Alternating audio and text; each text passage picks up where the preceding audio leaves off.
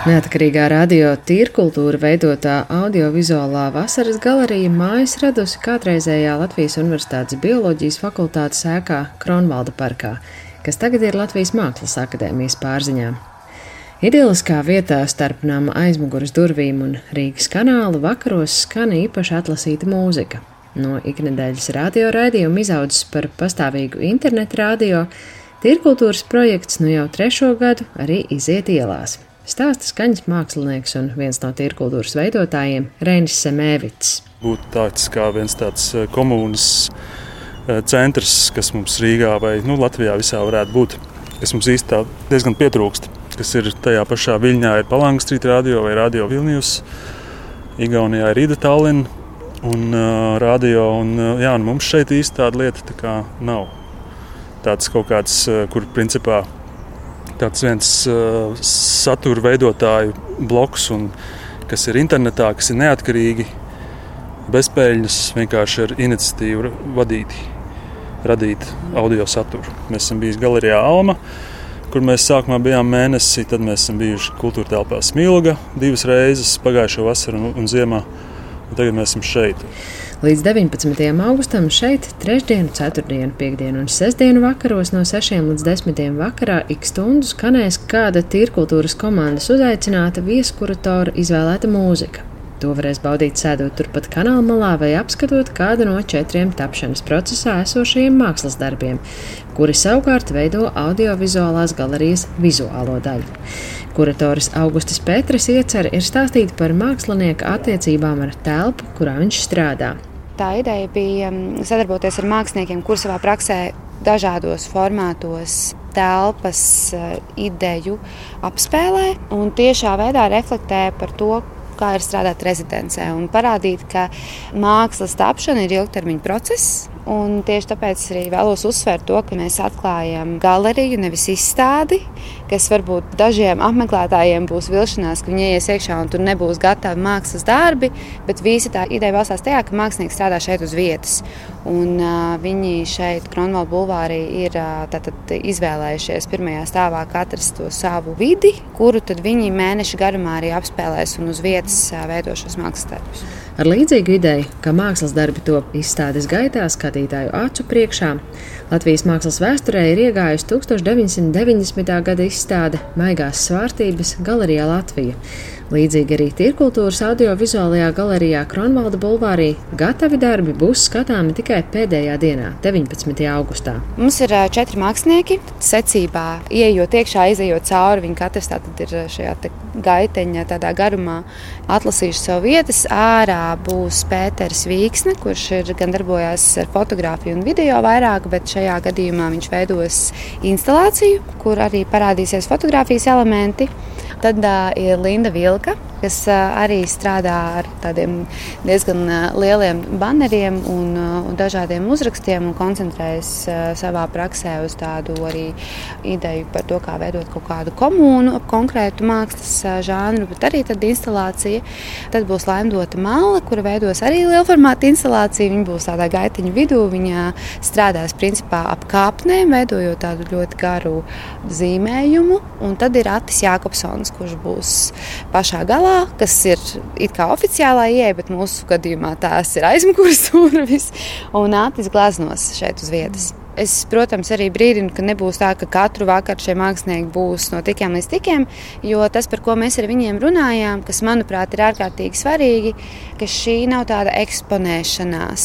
Tā ir tiešām procesa rādīšana Un process, šis mākslas darba tapšanas process bieži vien arī sastāv no domāšanas, no iepauzēšanas, atkāpšanās, savu darbu uzlūkošanas. Tas galvenais kaut kāds vadmotīvs, ko es vēlējos saglabāt šajā visā projektā, ir absolūta brīvība. Pilnīgu brīvību māksliniekiem gan nācies apvienot ar pēdējā brīža pārmaiņām plānotajā atrašanās vietā. Skumju ironiju tam piešķir fakts, ka galerija veidota tieši ar domu par mākslinieka un telpas saspēli. Trīs mēnešus Augusta Petre, Rēnis Semēvics un viņa uzrunātie mākslinieki gatavojās izstādē pavisam citā vietā, pašlaik panīkušajā vidzemes tirgū, kas pieder pašvaldības kapitāla sabiedrībai Rīgas nami. Lai gan pati pilsēta vēlas tirgus teritoriju atdzīvināt, Rīgas nama pieprasītā nomas maksa māksliniekiem izrādījās nepaceļama. Trīs mēnešu garumā mēs strādājām pie šīs konkrētās telpas, un principā nedēļas laikā mums bija jāmaina šī telpa un jāmeklē kaut kādi risinājumi, jo mūsu sadarbība ar Vidzemes tirgu tomēr nevarēja realizēties. Visu to trīs mēnešu laikā jūs nezinājāt, ceļu mums bija piedāvās? Jā? Nu, principā nē, mums bija dažādi iesniegumi, dažādas sarunas par to, bet konkrēts cipars mums nebija. Un tad, kad beigās šis cipars tika nosaukts, mēs sākām patiesībā arī domāt kaut kādus veidus, kā mēs varētu, teiksim, no tā mēs kaut ko pārbīdīt un atvēlēt tieši īres maksai, bet man kaut kā principiāli pat negribas gribās. Es vienkārši neuzskatu, ka tas ir godprātīgi pieprasīt teiksim, 2,5 tūkstošus no bezpējas organizācijas, kuras vienīgais finansējuma avots ir Rīgas doma, kuras kapitāla sabiedrība Rīgas nami. Man vienkārši liekas, ka tas ir nu, absurds tāds moments visā šajā. Un tā par šīs situācijas ķīlniekiem kļuvuši mākslinieki, kurus pati pašvaldība aicināja veidot Rīgas kultūras programmu. Un te jau arī parādās tas absurds par to, ka tas mākslas darba tapšanas process ir ilglaicīgs, ir ieguldīts domāšanas darbs, ir ieguldīts jau kaut kāds research vai nu, kas ir teiksim, par materiāliem un tam līdzīgi. Tad tas viss principā jāmet miskastē un jāsāk no jauna. Nu, šis vienkārši ir tāds labs. Diemžēl labs precedents, ar ko tālāk strādāt, lai saprastu risinājumu. Tā atzīst Rīgas domas pilsētas attīstības komitejas vadītāja Ines Andersone no jaunās vienotības. Bet mēs redzam, ka tai kultūras notikumiem vajadzētu būt vietai arī vidzemes tirgu, jo mm, teritorija liela un interesanta un pašā pilsētas sirdī. Tā kā mm, jādomā veidi, kā to atrisināt. Politiķi skaidro, ka Rīgas nami māksliniekiem bija piemērojuši tikai pašizmaksu un mazāk prasīt neļāva likums. Viņa redz, ka nākotnē pašvaldība šādus nekomerciālus kultūras pasākumus kapitāla sabiedrības īpašumos varētu subsidēt. Līdz šai vasarai gan tas joprojām nav atrisināts. Mums jāskatās, vai nu mēs veidojam uh, kaut kādu speciālu kultūras programmu vidzemes tirgumu, vai nu arī, ja mēs skatāmies kopā uz kapitāla sabiedrībām, Varbūt ir iespējams, ka mēs taisām kādu programmu, jo arī, pieņemsim, Rīgas ūdenim ir ūdenstoni, kur tagad notiek arī pasākumi Āgenskalnā. Tur situācija arī bija ļoti līdzīga ka tiem kultūras organizatoriem ir jāmaksā diezgan liela nomas maksa par teritoriju. Un mēs arī no domas sākām runāt ar Rīgas ūdeni, kādas ir iespējas dot viņiem atlaides vai bezatlīdzībā nodot. Viņi saka, ka viņiem ir kapitāla sabiedrības regulējums, viņi to nevar darīt. Varbūt ir iespējams, ka mums ir kādi saistošie noteikumi, kas tad kapitāla sabiedrībām ir ļauj dot zem pašizmaksas un tad piestādīt uh, rēķinu domē par to subsidēto laiku, kas ir izmantots. Nu, tā kā jāmeklē tie risinājumi, ja mēs tiešām ir tās vietas, kur mēs gribam, lai kultūra ienāk. Un tur tie kapitāla sabiedrības noteikumi nevienmēr strādā. Vienā dienā ar Tīrkultūras vasaras galeriju turpat Kronvalda parkā tika atklāts vēl viens pašvaldības atbalstīts kultūras projekts - Latvijas Mākslas akadēmijas laikmetīgās mākslas izstāde pilsētvidē. Un arī tā šurp pārcēlusies pēdējā brīdī, jo saņēma atteikumu izstādēji Brīvības alejā pie ministru kabineta. Parkā satieku izstādes kuratori Antru Priedi. Bet um, šī jau nav pirmā reize, kad um, Mākslas akadēmija ar brīvības aleju sadarbojas, ja tā Jā. var teikt. Cik sen ir tā vēsture? Uh, šim bija jābūt uh, trešajam ekspozīcijas uh, piedāvājumam, un arī šī sadarbība un aicinājums arī nāca no Rīgas drosmes un prieka vasaras programmas puses tieši iedzīvināt šīs telpas pilsētvidē, kas varbūt līdz, līdz šim nebija apgūtas kā eksponēšanas vietas. Līdz ar to jā, tas bija tāds nedaudz nepatīkams pārsteigums, secinot, ka izstrādātājs darbs un visa izstāde tur netiks eksponēta. Tā kā brīvības salai atrodas brīvības pieminekļa aizsardzības zonā, Izstādes iecer tajā bija jāsaskaņo ar brīvības pieminekļa un brāļu kapu padomi, kā to nosaka pirms trim gadiem pieņemtais likums. Divas reizes izstādi atļāva, un arī šajā reizē kuratore ar māksliniekiem gatavoja darbus tieši brīvības alajai. Sākotnējā iecerē arī jau tika izstrādāta vairākus mēnešus, plānojot ekspozīciju konkrētai vietai. Un, attiecīgi strādājot ar brīvības alejas kā telpas novietojumu, jo viņa ir trokšņaina, pilna ar satiksmi, putekļiem. Un bija vēlme par to runāt arī plašākā kontekstā, saprast, kur cilvēks atrodas pilsētā un kā viņš var justies droši, baudīt zaļo Rīgas daļu. Un tādējādi reflektējot par to arī, kā mēs, kā indivīdi, jūtamies droši publiskā telpā un cik droši publiskā telpā jūtas un var atrasties māksla. Taču jūlija vidū Mākslas akadēmija saņēma brīvības pieminekļa un brāļu kapu padomes atteikumu. Un līdzīgi kā Tīrkultūras galerijai, arī šai izstādē nācās īsā laikā atrast jaunu vietu un tai pielāgoties. Kuratori atzīst, ka padomas lēmumā sajutusi novelkam tādu kā sarkano līniju, kur un cik tālu laikmetīgā māksla pilsētvidē drīkst izpausties. Šis ir jūsu darbs, ja? Jā, mm. melni un uh. Man ir par uh, memoriālu kultūru. Un, uh, Mūsum šāds lēmums radījis vienai no jaunajām māksliniecēm Kristīnai Rezvihai, kuras attiekot parkā pie viņas mākslas darba. Ironiskā kārtā tas runā tieši par mākslas intervenciju memoriālu kultūrā. Šeit arī ir ļoti skaisti un forši. Bet tam ir žēl par pieminiektu aģentūru, jo man tieši par pieminekļiem ir darbs. Kā jūs, kā mākslinieks, jūtaties, ka jums pasaka, ka konkrētā pilsētas vietā jūsu darbu nedrīkst eksponēt?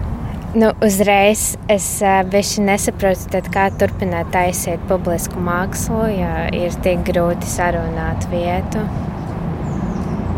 Un, nu, mums tad nebūs nekādas iespējas taisīt instalācijas ārpus telpai. Jo nav nekādas problēmas taisīt iekštelpas, bet ārtelpas vienmēr ir problemātiski. Man nekas jārisina un jāturpina taisīt publisku mākslu. Jo tad cilvēki var nu, kā, miedarboties ar darbiem un, piemēram, Man liekas, ka vandalisms būs bijis mazāk.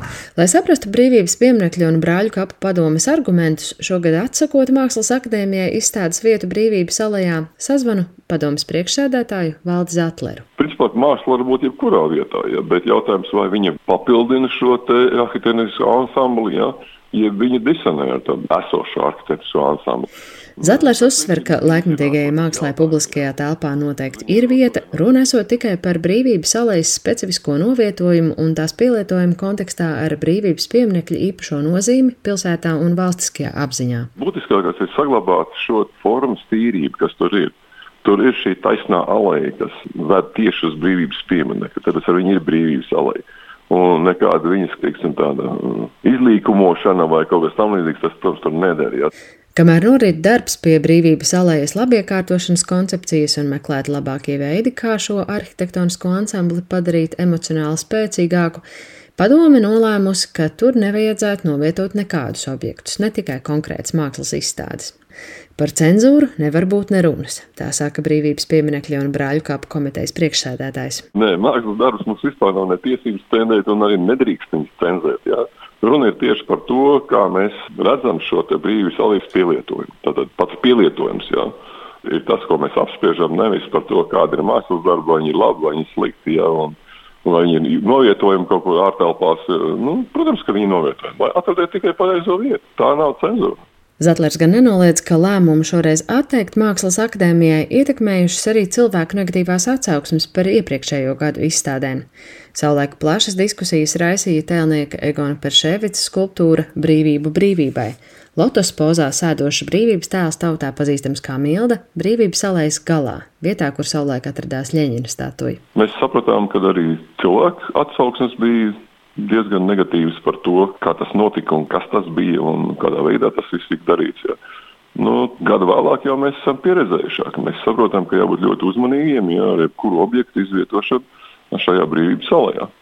Jo nav jau vienīgais precedents. Te Rīgas maratons gribēja dīdžeju, kā saka, stendu novietot tieši pie uzraksta neatzīmē un brīvībai. Tā kā, nu, mums jāsāk domāt tomēr, jā, kāds ir šis pilsētas zonējums, jā, kurā zonā mēs ko darām Un kāpēc mēs to darām? Nu, bet pat epizode parāda vienu citu lietu, ja, ka mākslā vajag telpu. Mākslā telpas ir par maz. Tad arī tas jautājums, kāpēc ir kavēšanās ar modernās mākslas muzeju, ja, kāpēc to neviens nesaprot, uzskata, ka tas ir nevajadzīgs luksus priekšmets. Nē, tas viss tā nav. Mums jādara savu pilsētu vidi ar vienu skaistāku, sakārtotāku, un katrai lietai notikumam ir sava vieta mūsu pilsētā, un pie tā ir jāpiestrādā, un tas ir pilsētas centrs. Es domāju, kā jūs jūtaties par to argumentu, ka, protams, mākslā vajag telpu tikai varbūt ne šo telpu, bet citu telpu. Jā, to es pilnībā saprotu un pieņemu.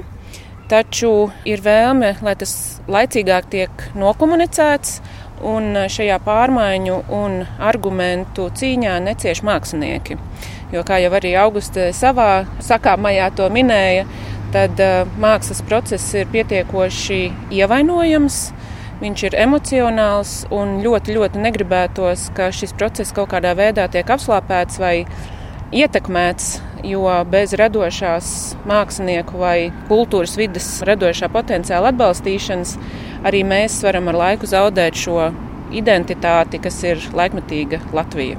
Kuratore Andra Priede mūsu sarunas noslēgumā ar prieku secina, ka Kronvalda bulvārī cilvēkiem par mākslas objektiem to uzstādīšanas procesā ir bijusi liela un labvēlīga interese. Viņa labprāt pastāsta par tiem plašāk. Ja, tur ir ainas bikšas darbs, kas tieši arī reflektē par tādu ikdienas trokšņainību un caur savu telniecisko formu viņa veido šo slāpētāju, lai arī skatītājiem aicinātu iedziļināties šajā ikdienas trauksmainībā un trokšņa pilnajā pasaulē, un kā mums ir jāatrod ceļš atpakaļ pie sevis, kā mēs paliekam droši šajā mainīgajā un turbulentajā vidē.